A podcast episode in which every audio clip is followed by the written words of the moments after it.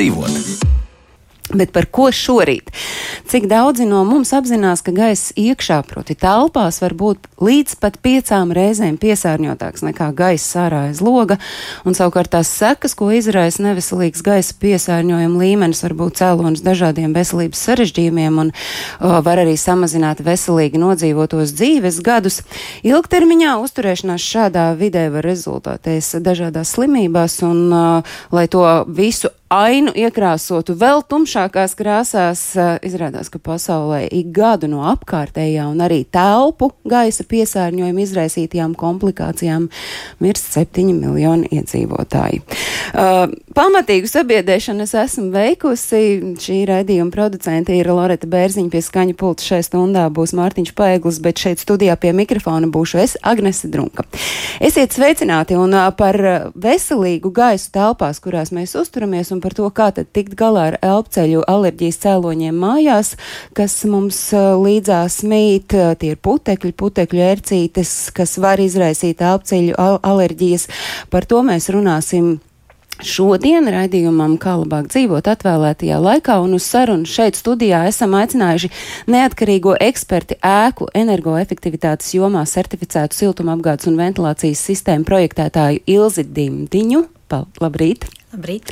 Uh, un Rīgas Stradiņa universitātes doktoranti darba drošības un vidas veselības institūta pētniece Aneka Kļaviņa ir šorīt šeit studijā. Sveicināti! Labrīt. Un uh, pirms mēs uh, ar jums abām runājam šeit sarunu tiešraidē Latvijas Radio 1 studijā, pie telefona mēs esam aicinājuši Rīgas Austrum Kliniskās universitātes slimnīcas tuberkulozes un plaušu slimību centra ārsti certificētu pneumoloģi, alergoloģi Inetu Grīsli. Sveicināti, Ineta! Labrīt! Sakiet, kas tad ir tie mūsu elpceļu veselības ienaidnieki, ja mēs skatāmies uz mūsu pašu mājokļiem, uz tām darba vietām, visās tām telpām, kurās mēs uzturamies? Nu, jāsaka, ka nekvalitatīvs gaiss mājoklī, kā jūs jau minējāt, ļoti būtiski ietekmē cilvēku veselību, un, un tāpēc ir tādi kvalitātes kritēriji gaisam, kuru, kuru, kuru mēs elpojam, un es noteikti kā ārsts gribētu pirmais minēt to, ka, ka gaisam būtu jābūt pietiekoši mitram, un tātad ne ļoti mitram, bet tātad būtu jābūt nebūt sauss gaiss un arī ļoti mitrs gaiss ne, nedara elpceļiem. Un, un tas iemesls ir, ir, ir viens no galvenajiem tāds, ka, ka ja būs mitrs un silts gaiss, tad tiešām tas būs ļoti labvēlīgs, lai savairotos uh, putekļu ēcīts. Savukārt atkal mitrs un vēs gaiss, tas atkal var radīt, vadīt pelējumu sēnītes vairošanos.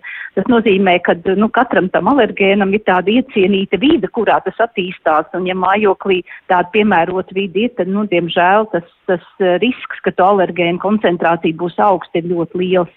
Jūs minat putekļu ērcītes, spēlējumu sēnes, kas ir vēl tie populārākie telpu alergēni? Nu, noteikti jāmin ir mājdzīvnieku alergēni, bet nu, tas ir tiem no cilvēkiem, kuriem šie mājdzīvnieki ir. Jā, tie ir noteikti jāpiemina. Un, protams, tādā saulainā, vējainā laikā, ja ir plaši atvērti logi, tad mēs varētu runāt arī par to, ka ziedputekšņi nokļūst, nokļūst um, dzīvoklī. Kas ir tie signāli, kā atpazīt, ka runa ir par elpceļu alerģiju? Kas ir tie signāli, kam ir jāpievērš uzmanība? Nu, es domāju, cilvēkam noteikti vajadzētu pamanīt, ka ieejot kādā nu, konkrētā dzīvoklī e, vai tādā telpā, ja viņam parādās nu, pirmā, pirmie simptomi parasti ir tā deguna vai kņudēšana vai tecēšana, acu asarošana, kad arī tāda kasīšanās kaklā līdz pat nu, tādām elpstrūkuma liekmēm. Ja, tad cilvēks, kurš ir alerģisks, ja viņš jau patiesībā tūlīt ieejot šādā e, vidē sajutīs simptomus. Un tad, ja nu, tā ikdienā cilvēks nav sapratis, nu, nav nojautis to, ka viņš ir alerģisks, un tad viņam parādās šie simptomi, tad par ko tas liecina?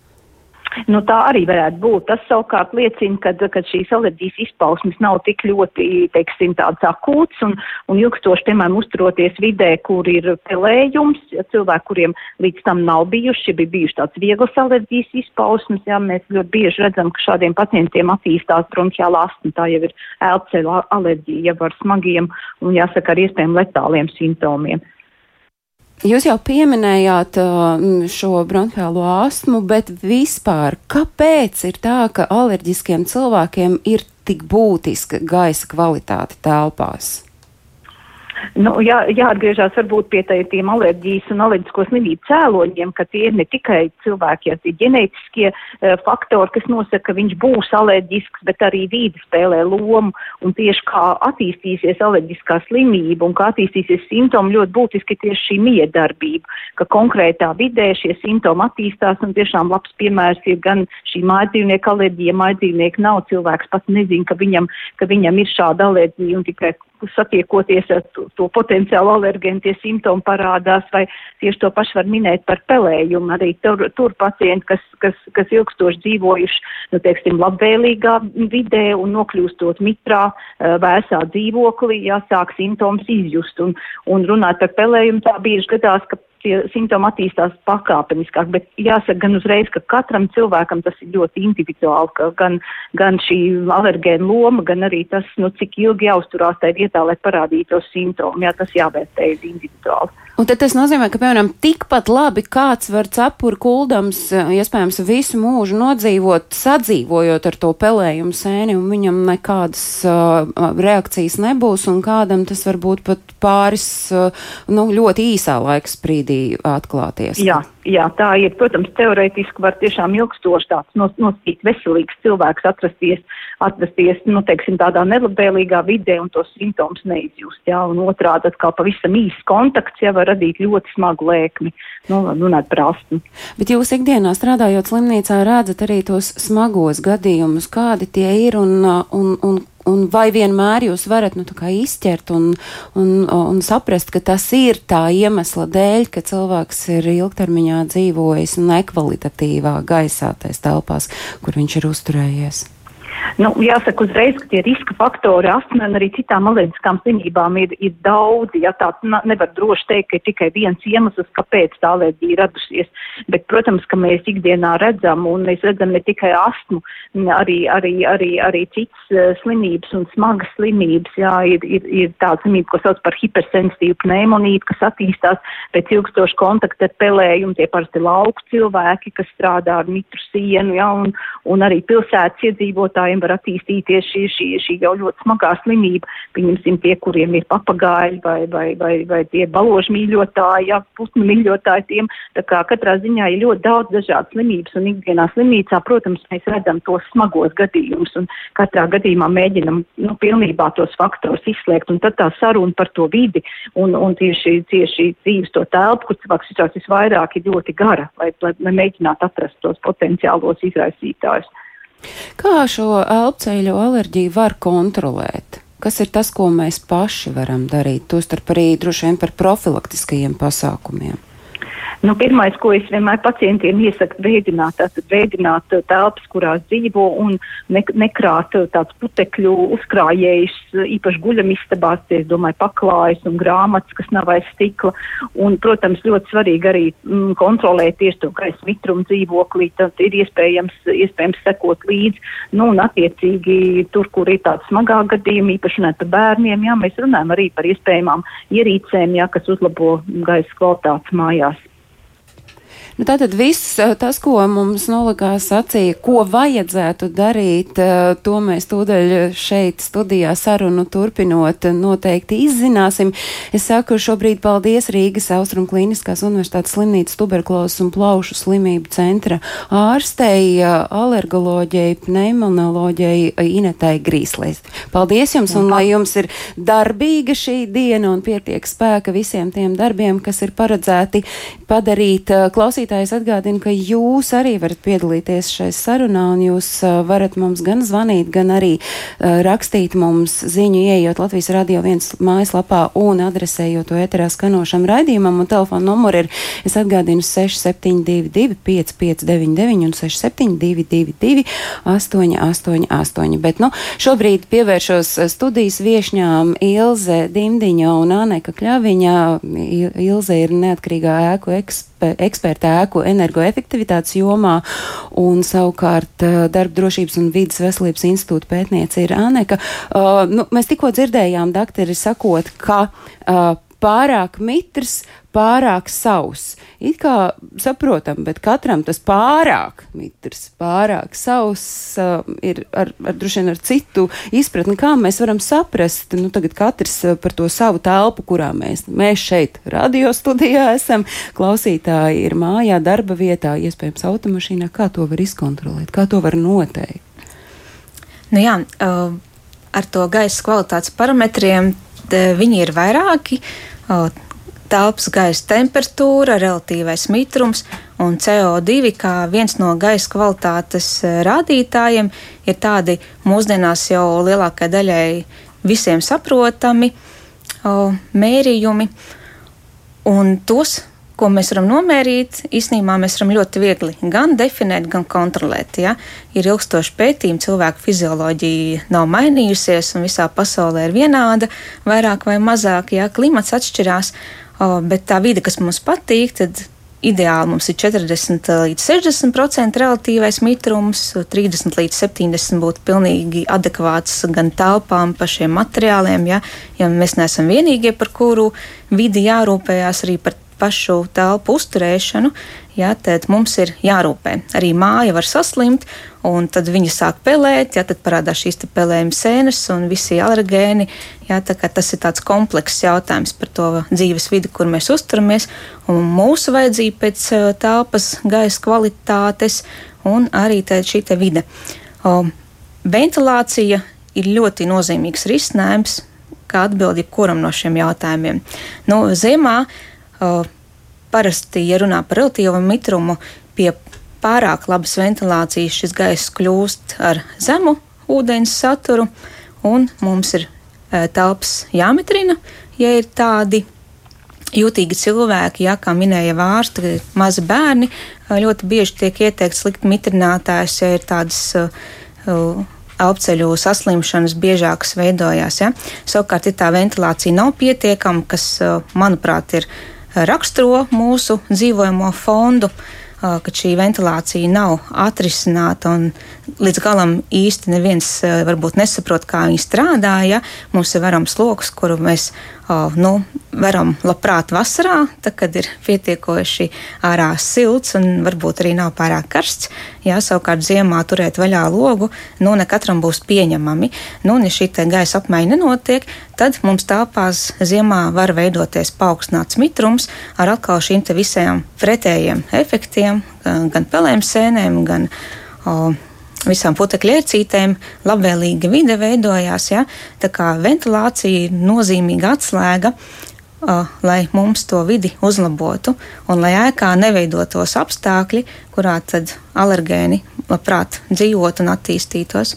Ja? Un tālāk jau šis relatīvais mitrums, vai tur ir sausāks vai mitrāks, ja viņš var svārstīties kaut kādā diapazonā, bet eh, gaisa apmaiņa tas ir primārais, par ko ir jādomā. Bet klausītājs jautā vēlreiz, optimālais gaisa mitrums tie ir tie 40 līdz 40 līdz 60 procenti, jā, bet cilvēks vienlaicīgi arī nav tā kā muzejā 2000 gadu veca pergamenta lapa, kurai būtu jāuztur augstu precizitātes e, robežās. Ja? Tā kā 30 līdz 70% ir arī pilnīgi normāls relatīvais mitrums, un arī standarti tomēr apraksta, ka jums ir uh, normāla gaisa apmaiņa, tad relatīvais mitrums nebūtu parametrs, kas dzīvojamā vidē ir jākontrolē ar mehāniskām ierīcēm. Ja? Tie var būt kaut kādi izņēmumi gadījumi. Pamatā tās būs tehnoloģijas. Uh, kur mums tā, tas mitrums ir jāregulē. Ja, ja gaisa apmaiņa nodrošināta, tad mums relatīvo mitrumu vajadzētu būt visam kārtībā. Bet, nu, tā, kā jums šķiet, cik cilvēku ikdienā nu, tā ļoti pastiprināti pievērš uzmanību tam, viņiem ir šīs ierīces, ar kurām uh, tiek noteikts, cik tad ir gaisa mitrs? Nu, es te varu komentēt, tad uh, interese par mērījumiem iekštelpās pieaug ar katru gadu. Uh, noteikti. Un šobrīd, attīstoties tehnoloģijām, mums jau ir iespēja kontrolēt ne tikai birojos un darba vidē, ar ko kā, es nodarbojos vairāk, bet arī savās dzīvojamās telpās. Un šīs te dažādas sensoru tehnoloģijas paliek arvien lētākas, un, un arī iespēja vieglāk redzēt. Un, uh, ja drīkst papildināt ilzi, tad bez šīm mikroklimata problēmām, kas ir temperatūra un relatīvais gaisa mitrums un šī gaisa apmaiņa, mums ir arī ķīmisko vielu piesārņojums. Un ķīmisko vielu piesārņojums, protams, rodās telpās no mūsu darbībām, un ne tikai no kādām no, darbībām. Um, piemēram, no tās pašas ēst gatavošanas uh, var radīt pietiekoši daudz šo respirālo putekļu, ko mēs varam ieelpot, vai dažādus gaistošos organiskos savienojumus, kuri pietiekoši lielās koncentrācijās arī var izraisīt alerģijas vai nebūtu vēlams diskomfortu izraisīt. Nu, viens ir skaisti smaržo pīrādziņš, otrs ir ne pārāk labi smaržo piededzināta gaļa vai, vai tur uh, piededzināta dārzeņa. Nu, tas arī ir tāds uh, variants. Un, protams, mūsu ikdienas darbības, kā telpu uzkopšana, tad, tad visas sadzīves ķīmija, arī kosmētiskie līdzekļi rada pietiekoši lielu gaistošu organisko savienojumu fonu iekštelpās. Un, um, Pēdējais, ko es varu minēt, ir šie gaisa atsvaidzinātāji, kurus tik ļoti cilvēki mīl. Uh, arī tā skaitā ēteriskās eļļas un uh, vīraki. Nu, tas, tas viss rada kaut kādu fonu. Uh, tas, ko es mēdzu teikt saviem studentiem, tīrs gaiss nesmaržo. Tīrs gaiss nesmaržo ne pēc kā. Tātad tīrība nesmaržo.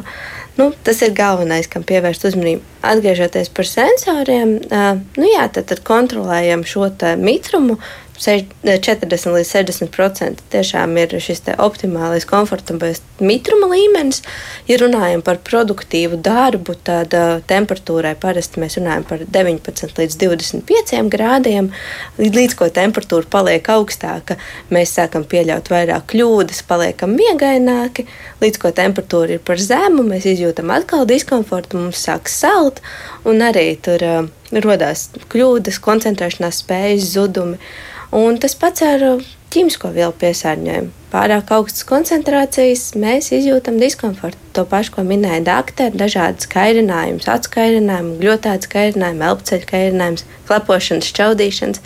Tas viss ir tāds komplekss. Uh, mehānisms mums apkārt. Ziniet, kā darba vietās tā klepošana, šķaudīšana īpaši tajās, kur, uh, kur kondicionieris darbojas, tā man liekas, ir tāda neatņemama ikdienas sastāvdaļa.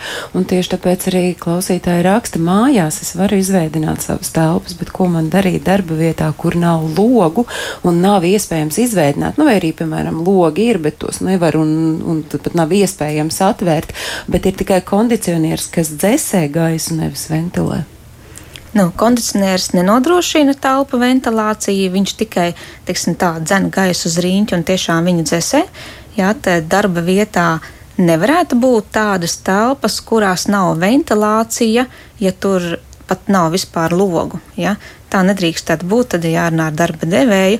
Ir arī ministra kabineta noteikumi par darba vietas. Uh, šīm vidas prasībām, jā, un tad var pie Anikas griezties un arī. Ko jūs darīsiet tādā jums? gadījumā, ja šī klausītāja vērsīsies pie jums? Nu, Pirmais ir vērsties vispirms pie darba drošības speciālista konkrētajā uzņēmumā ar savām problēmām, un, un kas tad ir tas, kas tieši nepatīk savā darba vietā. Tad jau darba drošības speciālists izsauks laboratoriju, kura tad veiks atbilstošos mērījumus un noteiks, vai situācija atbilst ministru kabineta noteikumiem vai neatbilst. Bet runājot par darba vietām, ir jāņem vērā arī šis psihosomātiskais efekts, sociālie efekti. Mums kā cilvēkiem patīk, ka mēs spējam atvērt logus. Sajūtam šo te, vēja plūsmu uz sevis, kas nāk no ārā. Tad, tad, parastajās, dar, nu, parastajās mūsu dzīvojamās telpās atvērt 15 minūtes logu un sajust vēju, mums pilnībā pietiek. Darba vietās no drošības apsvērumiem nu, šie logi parasti nav vērami. Bet, kā jau minēja Ilze, nu, situācija nevajadzētu būt tādai, ka tur nav ventilācijas. Ja tur nebūs ventilācija, mēs pēc mērījumiem, gan pēc temperatūras, gan pēc mitruma, gan pēc kaistošo organisko savienojumu daudzuma un tā paša oglekļa dioksīda, uzreiz redzēsim, kā ventilācija nedarbojās vai ventilācija nav pietiekoša. Tā kā, nu, sākumā griezties pie savu uzņēmumu darba drošības speciālista. Klausītāji vēl saka, tas apzīmējums dzīvokļa smoks, tas ir tas, ko jūs jau minējāt, kas iespējams gan no sadzīves ķīmijas var veidoties, gan no vēl visādām, nu, it kā mūsu cilvēku prātā, mūsu dzīves kvalitāti uzlabojošām lietām. Jā, tieši tā, šis tā dzīvokļu smogs, jeb principā, kā vieglāk to būtu teikt, sastāvējies gaiss, tīri veidojās no tā, ka telpā netiek nodrošināta ventilācija un no tā, ko mēs telpā darām. Uh, ir šie vairāki faktori, kas ietekmē gaisa kvalitāti. Tas, tas, tas pats mikroklimats, mūsu darbības, apkārtējās vidas piesārņojums, kas arī var ienākt telpās uh, caur logiem kaut kādos konkrētos momentos. Uh, tie paši mikrobioloģiskais piesārņojums, mājdzīvnieki un dažādi šīs putekļi, putekļi ērcītas pelējumi jums, un viss, protams, visvairāk cilvēka darbība. Tas arī ir tas.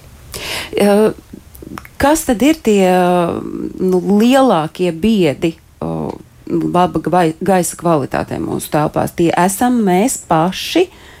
Un tā ir arī pati tā ēka, pati tā māja, kurā mēs esam. Nu, droši vien, ka mēs visi kopā, gan ēka, no kādiem materiāliem viņi būvēti, ko mēs esam tajā mājā ienesuši iekšā, kādas mēbeles, no kādiem materiāliem. Ja? Te Anika var komentēt par gaistošiem organiskiem savienojumiem. Ja, ja mums telpas uh, tiek pārkurinātas, ja, tad arī viņu izgarošanas intensitāte pieaug. Un cilvēks jau pats ir dzīves organisms, kurš ražo ne tikai siltumu. Ja, mēs uh, dzeram ūdeni divus litrus dienā, ideālā gadījumā, lai uzturētu savu organismu, jā, bet mēs arī šo ūdeni izgarojam gan caur rādu, gan runājot. Mēs paaugstinām telpās relatīvo mitrumu. Jā, tad vasarā mēs esam kā temperatūras paaugstinātāji, un mēs piesārņojam savu klimatu ar paaugstinot temperatūru. Ja? Ziemā savukārt samazinām izdevumus par apkuru uzsildot. Ja? Vienlaicīgi mēs izdarām, izdalām uh, ūdens tvaiku, ja tad mitrumu. Mēs paaugstinām relatīvo mitrumu, ja, un, ja tā ventilācija nav nodrošināta, tad viņš uzkrājās telpās, ja, un mums veidojās nelabvēlīga vide cilvēkam, bet labvēlīga visādiem mikroorganismiem. Ja, un, ja mums mājā nav siltināts sienas, tad telpu sienu temperatūra ir zema, un tur šis relatīvais mitrums līdz ar to pieaug, jo tie ir saistīti lielumi. Temperatūra un relatīvais mitrums ir saistīti, jā, un ar to var reizēm ļoti labi arī regulēt šos abus parametrus, jā, ja mums ir tāda uh, zināšana. Bet uh, gaisa apmaiņa ir primārais. Ja? Uh, lai jebkuru no šiem piesārņojumiem, vienalga vai tie gaistošie organiskie savienojumi, mēs varētu izdīt no telpām. Uh, Ja? Jo CO2 jau arī uh, viņš pats par sevi nav normālos apstākļos kaitīgs un bīstams. Mēs paši viņu ražojam, arī augi viņu gan ēd, gan ražo. Ja? Bet tas ir ļoti labs veids, kā parādīt, vai tā gaisa apmaiņa ir, vai viņa ir pietiekama. Un, ja viņa ir pietiekama, tad ir liela ticamība, ka arī visi pārējie piesārņojumi tiek izvadīti. Ja? Nu, kā man studijās mācīja, tad uh, pirmā lieta pirms ventilācijas, protams, ir visus. Uh, smaku avotus, visu piesārņojumu no telpas izvākt, ja tāds tur ir. Ja? Tā kā ir stingri jādomā par to, ar ko mēs gan kopjam mājas. Ja, cik daudz mēs to ķīmiju lietojam, un tad tiešām arī tas visu, ko mēs mājās ienesam, kā viņš strādā mūsu vidē un ko viņš mums var nodarīt labu vai sliktu. Un arī mīļie mājdzīvnieki, nu, mēs bez tā neatņemama sastāvdaļa, bet mums katram ir vajadzīga atbilstoša kopšana, lai tas neradītu arī problēmas. Gaisa apmaiņa, mm, ko ar šo mēs saprotam, kas tas ir nu, tādā visvienkāršākajā izpratnē, un tad jau pārējot uz tomēr tādu jau augstāku pakāpi. Vēdināšana, loga uh, atvēršana. Vēdināšana, tad tas, tas, tas minimums, ko mēs varam cilvēku mehāniski izdarīt, atvērt logu un izveidināt telpu. Ja? Un tā gaisa apmaiņa, tas, cik lielā mērā gaisa tilpums nomainās. Ja? Kā to nokontrolēt? Tas stāsts stāsts par to, ka ziemā atverot logu vaļā, ļaut uh, tam aizsvīst un pēc tam, kad tas svīdums no loga pazūd, tas ir kaut kāds rādītājs vai tas ir, tā ir pilsētas leģenda, ka tāda gaisa ir apmainījies. Nu, jā, tad ir jānoliek mērītājs, varbūt jāpaeksperimentē. Tā neatbildēšu tā ļoti konkrēti. Bet, ja jums kondensāts ziemā uz logi ir, tad tas ir pirmais rādītājs, kad ar ventilāciju nav viss kārtībā. Jā, un tas ir viens no kritērijiem, kad par to ir jādomā un kaut kas ir jāmaina. Vai ir pietiekami atvērt logu tikai tad, kad parādās kondensāts? Es domāju, ka tas ir krietni jau pa vēlu. Jā, tas nozīmē, ka tā jau ir ilgstoši uzkrājusies problēma. Un, nu, Es arī Rīgas enerģētikas aģentūras sadarbībā esam semināros stāstījuši, ka nu, tādu dzīvojumu ēkā mēs varam tādus vienkāršus testus uztaisīt. Ja? kad uh, mums lielākā daļa daudz dzīvokļu ēkas, 70% Latvijas iedzīvotāji tādās dzīvo. Jā, un lielākā daļā tā dabiskā ventilācija tur ir izbūvēta un viņi ir. Uh, pašrocīgi pārbūvēta gan ar dažādiem tvaiku nosūcējiem un citiem eh, ventilācijas iekārtām, ko varētu tā strikti saukt arī par nelikumīgu būvniecību. Ja? Tad, ja mums eh, pieņemot paņemam A4 lapu, mēs pieliekam pie šīs restītes, un ja mums uh, ziemā tur tā lapa turās, nu tad tā nosūca mums vispār strādā. Ja? Bet, lai tā nosūta strādātu, mums nepietiek, ka tur ir kanāls, kurš ir iztīrīts, par kuru apsaimniekotais ir parūpējies. Tur arī ir MK noteikumi, kas prasa, cik regulāri tādas darbības jāveic. Mēs varam to apsaimniekotājiem prasīt, lai viņš parāda dokumentus, ka tas ir izdarīts. Ja? Bet mums ir arī pieplūde, kas uh, ir šis varamais lokus, ko ziemā vērt vaļā. Nu, es personīgi nekad nedaru, jo man arī salst. man patīk tāds labs temperatūras klimats. Jā, Bet, ja tas uh, varamais lokus ir vienīgā pieplūde, nu, tad citu risinājumu jau nav, kā vērt viņu vaļā. Nu, protams, risinājumi ir uh, iekārtas me mehānisks, ko mēs varam uzlikt. Nu, tad te jau tie soļi, ja mēs saprotam, ka to gaisa apmaiņa nav viss kārtībā, un mēs gribam to situāciju mainīt, uzlabot, ja, tad mēs to risinām vai kā māja kopumā, vai individuāli dzīvoklī. Bet, nu, ja mēs esam tajā daudz dzīvokļu mājā, tad arī komplekss būtu jādomā kopā ar renovāciju. Un nu, valstī arī jāatbalsta nu, risinājumu izstrāde. Un, Par, tiem, par tām iespējām, kā nodrošināt savā telpā gaisa kvalitāti vēl bez vēdināšanas, tas ir tas, par ko mēs sarunu pēc īsa mirkļa turpinot arī izrunāsim. Atgādinu klausītāju, ka jums ir iespēja iesaistīties mūsu sarunā, un es atgādinu arī to, ka neatkarīga eksperta ēku energoefektivitātes jomā certificēta siltumapgādes un ventilācijas sistēma projektētāja Ielas Dimdiņa ir šeit studijā un Rīgas Stradiņa universitātes doktorante Anneka Kļaviņa pēc īsa brīža sarunu mēs šeit turpinām. Kā labāk dzīvot?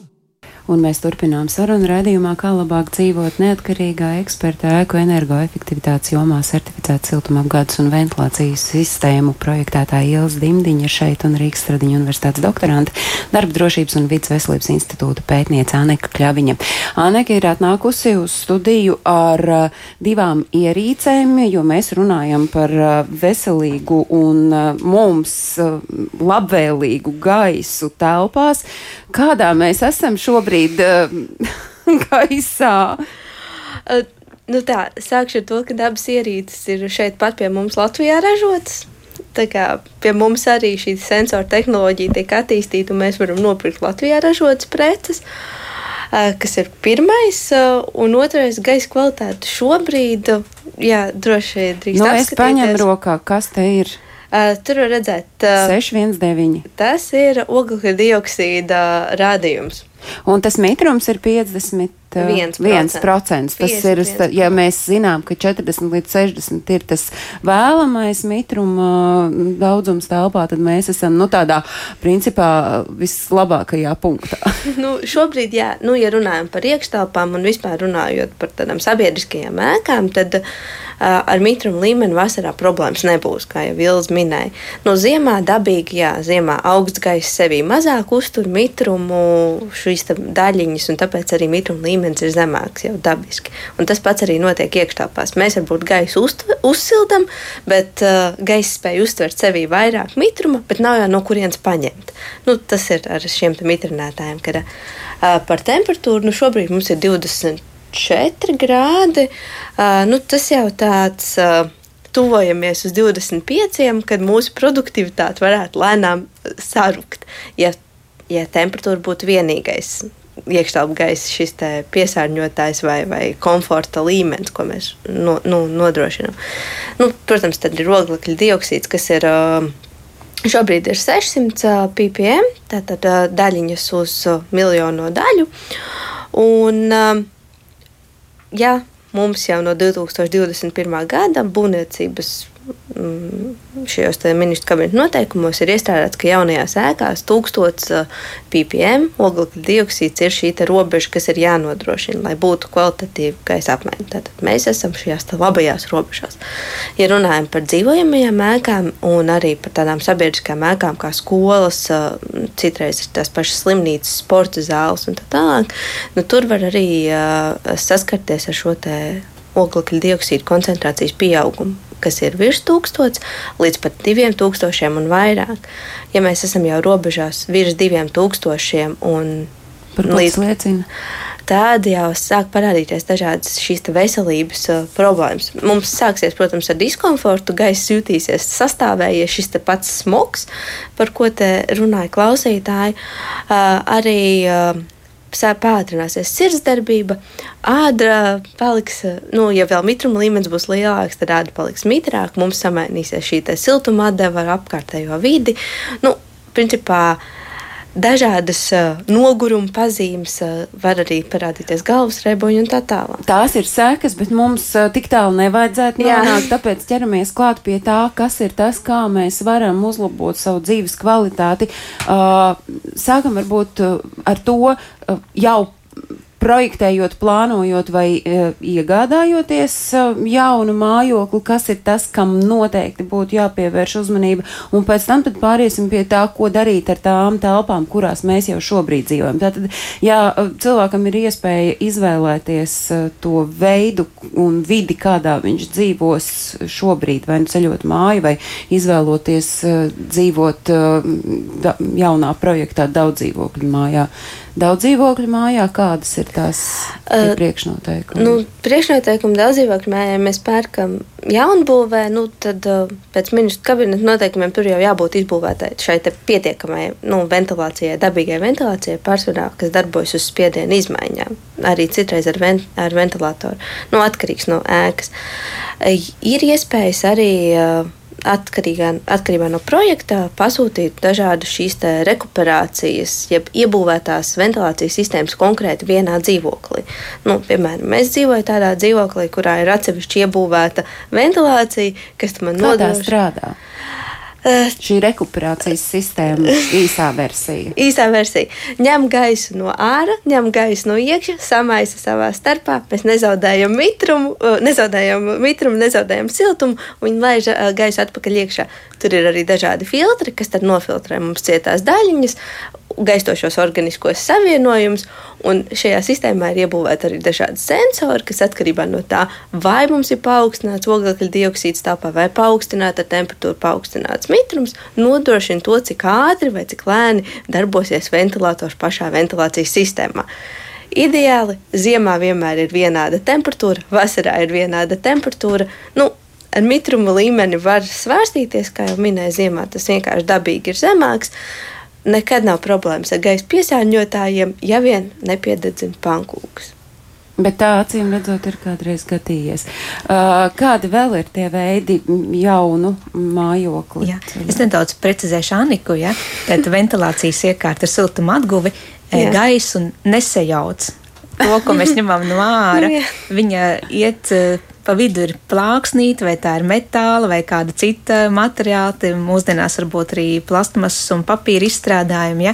Tad gaisa savā starpā nesajaucās ārā, gaisa nokļūst telpā, bet e, šis gaiss, ko mēs izdodam no telpas, caur šo plāksnīti, viņš pārnes siltumu. Ja? Un tas nozīmē, ko? Ja mums esošā ēkā, kas nav siltināta, tad puse no apkurs, ko mēs maksājam milzu naudu, un tagad atkal jauna krīze, ja, un mēs e, ļoti uztraucamies, kā mēs samaksāsim rēķinus, tad pusi mums iziet caur konstrukcijām, otra pusi mēs patērējam ventilācijai.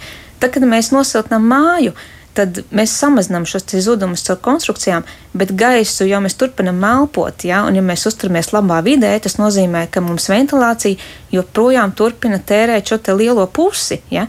Un tad brīdī, kad mēs izvēlamies iespēju vai nu izbūvēt esošā ēkā, vai ja mums ir iespēja pirkt jaunu ēku, tad nu, vienmēr vajag pievērst uzmanību iespējai izvēlēties ventilācijas siltuma atguvi, jo tas samaksā zinu jūsu apkurs rēķinu. Ja? Tad šo iespēju taupīt, ja jūs 90% no siltuma enerģijas ar ventilāciju atgūstat. Ja? Tas to vispār nevar nenovērtēt. Ja? Tā kā pērkot mašīnu, jūs taču arī nedomājat, ka, o, es ietaupīšu, pērkot jaunu mašīnu un teikšu, ka, o, man nevajag tur ne klimata kontroli, ne dzēsēšana, ne apkuri, ja es atvēršu logu un tad, kad būs augsts, rīvēšu rokas, ja, un pasažieriem arī teikšu, lai viņi rīvē. Ja? Nu, mēs taču apkursu sistēmas arī sakam, ka, nu, nesakām, ka mēs varētu pirkt māju bez apkursa, ja? tad arī mājai bez ventilācijas būt nevajadzētu. Tas, ko nosaka likumdošanas, tās ir minimālas prasības, un tas ir šis te veramais lokus. Bet nu, mēs esam jau attīstījušies drusku tālāk par šo opciju atvērt logu. Mēs varam nomērīt gan CO2, jā, gan arī uzstādīt mūsdienu iekārtu, kas mums neprasīs tērēt apkuri, jā, bet e, samaksāt nelielu elektrības patēriņu par ventilatoriem, kas ir niecīgi izdevumu priekš saimniecības, ja, un ietaupīs gan apkuri, gan nodrošinās gaisa kvalitāti. Un, nu, samazinās arī ārstniecības izdevumus, ja, alerģijas, astmas. Ja. Tie nav pierādīti uh, medicīniski, kad ventilācija tiešā veidā ietekmē šo alergēnu saslimstības samazināšanos, ja, bet pasaulē ir pētījumi, kur salīdzina ēkas, ja, un rezultāti ir, ka tur, kur ir gaisa apmaiņa vismaz 50% stundā, ja, šī saslimšanas gadījumi ir daudzkārt mazāki, mazāk iespējami. Ja. Jūs sakāt, ka mūsdienu iekārta, kas ir mūsdienu iekārta, ko jūs ar šo domājat? Kas... Mehāniskā ventilācija ir siltuma atguvi, ja, tas nodrošina mums gaisa apmaiņa. Nevis tā, ka mēs reizi stundā iesim tur pēc grafika, kurš vērs vaļā logu, jā, lai notiktu šī gaisa apmaiņa, samazinātu mums o, piesārņojumu, ko mēs esam radījuši paši un visu, ko mēs telpās darām. Jā, tad, nu, kuram tad ir laiks reizes stundā pēc grafika iet un atvērt logu, jā, arī dzīvojot mājā. Pat kā jūs gulēsim. klausītājs jautā, kā speciālists vērtē logus ar ventilācijas režīmu, vai tas ir pietiekami? Iet runa par šo veidināšanas režīmu, kad mēs roktrīti pagriežam 45 grādu leņķī un mums tiek atbrīvota kā blīvgumija. Tad tas ir ļoti niecīgs atvērums loga kopīgā laukumā, jā, un tie, kas ražo un tirgo logus, viņi saka, ka uh, ventilācijas speciālisti esot ievazājuši teicienu, ka tā ir ziemas veidināšana, jo viņi ir ražoti kā vasaras veidināšana. Ja? Tas nav pietiekams cilvēka gaisa apmaiņas nodrošināšanai. Ja? Tā ir tāda ilūzija, ka mēs tā kā sev nodrošinām nepārtrauktu ventilāciju, bet lielā mērā mēs esam samaksājuši varbūt par dārgu, labu, blīvu logu, kurš aiztur mums troksni, aiztur putekļus, jā, un pēc tam mēs uzliekam šo 45 grādu režīmu, nu, tad mēs varējām to logu vienkārši varbūt nemainīt, jā, lai viņš ir ar tām spraud, spraugām un terē mums siltumu, jā, bet pilnvērtīgi gaisa apmaiņu tas nevar nodrošināt. Vienam cilvēkam stundā apmēram vajag 30 kubikmetru stundā, Ja, un caur šo spraudziņu vienu nevar. Nu, protams, ja cilvēks viens dzīvo 200 kvadrātmetros, tad viņam par to galvu daudz nav jālauz. Ja?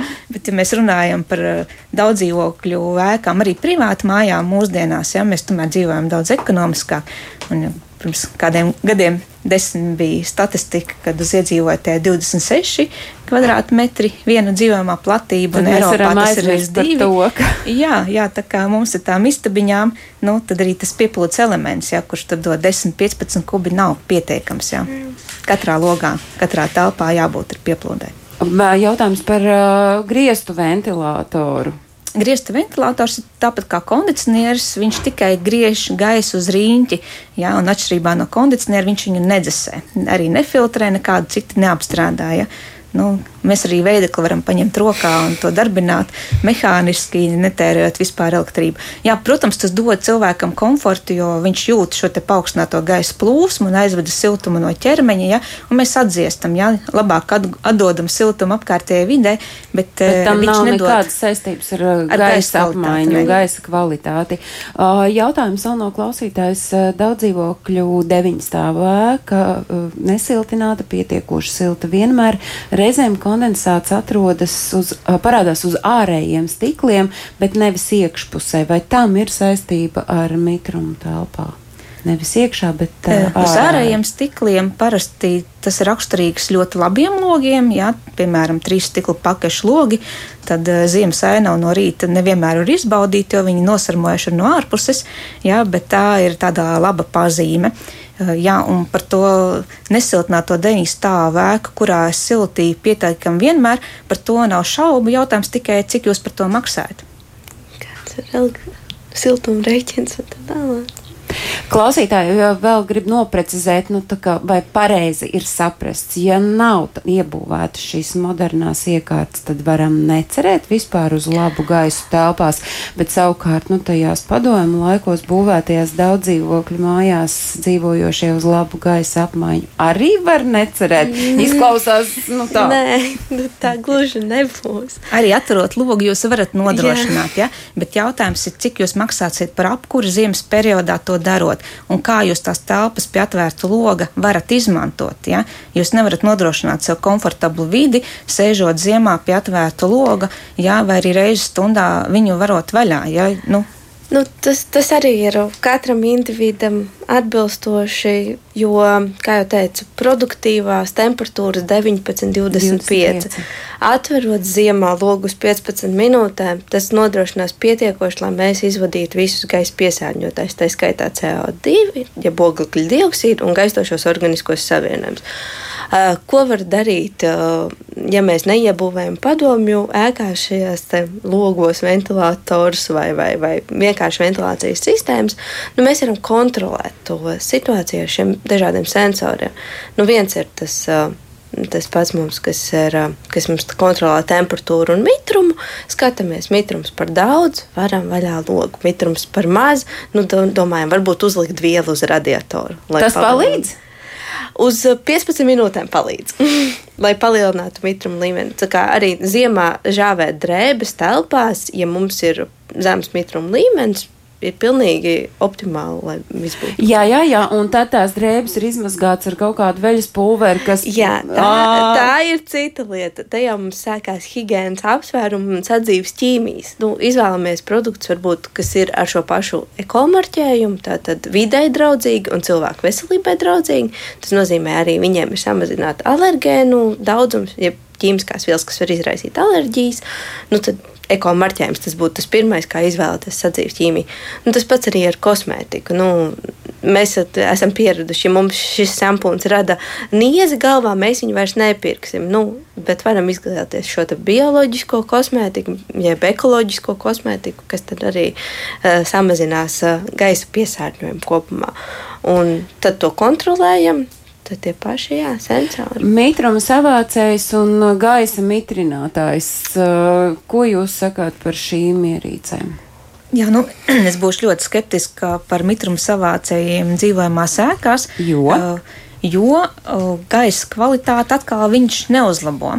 Jā, viņš savāc mitrumu, palīdz izžāvēt veļu. Jā, es zinu, ka cilvēki pērk arī šos te uh, sausinātājus tieši, lai ātri izžāvētu veļu. Uh, jā, varbūt, kad ven, uh, veļas mašīnā arī tāds režīms ir vienkārši ieplānojams. Bet uh, gaisa kvalitāti, šo gaisu, ko mēs elpojam, tas neuzlabo. Jā? Tā kā Piedodiet, tie, kas tirgo šīs iekārtas, es, jā, es par viņām neko labu nesaku, bet tad, kad es dzirdu šīs reklāmas sākamies, es zinu, ka ir sācies rudens un cilvēkiem parādās kondensāts uz loga, un tad ir tas ražas laiks, kad tās iekārtas tiek tirgotas, ja lieciet uz palodas to tabletīti, kas jums uzsūks mitrumu, jā, bet gaisa kvalitāti jūs neuzlabojat. Jūs vienkārši fiziski savācat mitrumu, jā. konkrēti lokāli, īslaicīgi. Jā, piekrīt. Nu, par sausinātājiem, jā, un, un par tiem par um, mitrinātājiem. mitrinātājiem arī nu, situācija ļoti līdzīga. No vienas puses, labi, jo mums palielinās šis gaisa mitrums, paliek līdz 30%, kas ir tas tā minimālā robeža, lai gan uh, koku materiāli, gan citi materiāli būtu ēkā labi, gan mēs paši justos ok. Bet uh, tajā brīdī, ja mēs mitrinātājus netīram, tur var savairoties pelējums, sēnes, un, un atkal mēs izplatām otrā gaisā, grāvī. Iebrauc. Iebraucam otrā grāvī. Uh, tāpēc ir jāsako līdzi, nu, iekārtas pašas par sevi noteikti ir labas attiecīgajās situācijās. Ja mēs tikko esam izbūvējuši jaunu dzīvokli izremontējuši, mums vajag ātri izžāvēt krāsu, lai mēs varētu pēc nedēļas viņā ievākties un tur nebūtu uh, gaistošie organiskie savienojumi, krāsa būtu izžuvusi un mums būtu labi elpot un labi dzīvot. Jā, ieliekam sausinātāju uz to nedēļu, viņš darbojās, savāc mitrumu, visu mums izžāvē, visus būvmateriālus, viss kārtībā. Tas pats ar mitrināšanu ziemā ir kaut kādi momenti, kad tas ir nepieciešams uh, tajos pašos birojos, kur ir kuri mēdz būt pārventilēti, šis mitruma līmenis ir problēma.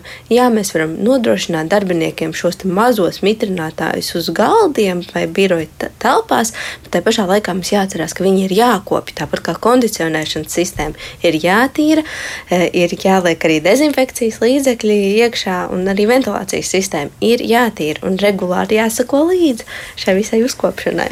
Nu, Ziniet, kā ir, neviens jau neteica, ka tā dzīve būs viegla. Jo kurā dzīve gadījumā droši vien jāsāk ar to, ka ir jāapzinās tie, kur vēl to nav izdarījuši, un es skatos pat uz sevi, kāda tad ir tā, kāds ir mitrums un, un temperatūra, un kāda tad ir tā telpa, kādā mēs dzīvojam, un tad pēc tam atbilstoši droši vien savām finansiālajām iespējām ir jārīkojas un jādomā, ko darīt ar to, lai tā vide, kurā mēs ikdienā pavadām, tomēr iekšā telpās vasarā varbūt mazāk, bet vidēji saprotu, ka 90% no savas dzīves mēs pavadām kaut kādās telpās iekšā. Tā kā par to mums ir jādomā. Es saku paldies eh, šorīt neatkarīgajai ekspertei ēku energoefektivitātes jomā certificētai siltumapgādes un ventilācijas sistēmu projektētājai Ilzai Diņai. Pareizi es saku. Jā, paldies. Rīgas Tradiņu universitātes doktoranti darba drošības un vidas veselības institūta pētniece Annika Kļaviņa bija mūsu studijas viešņas. Paldies kolēģiem, kuri strādāja pie tā, lai šis redzījums šodien izskanētu, un mēs pie jums atgriežamies jau rīt, kā labāk dzīvot deviņos no rīta. Atā!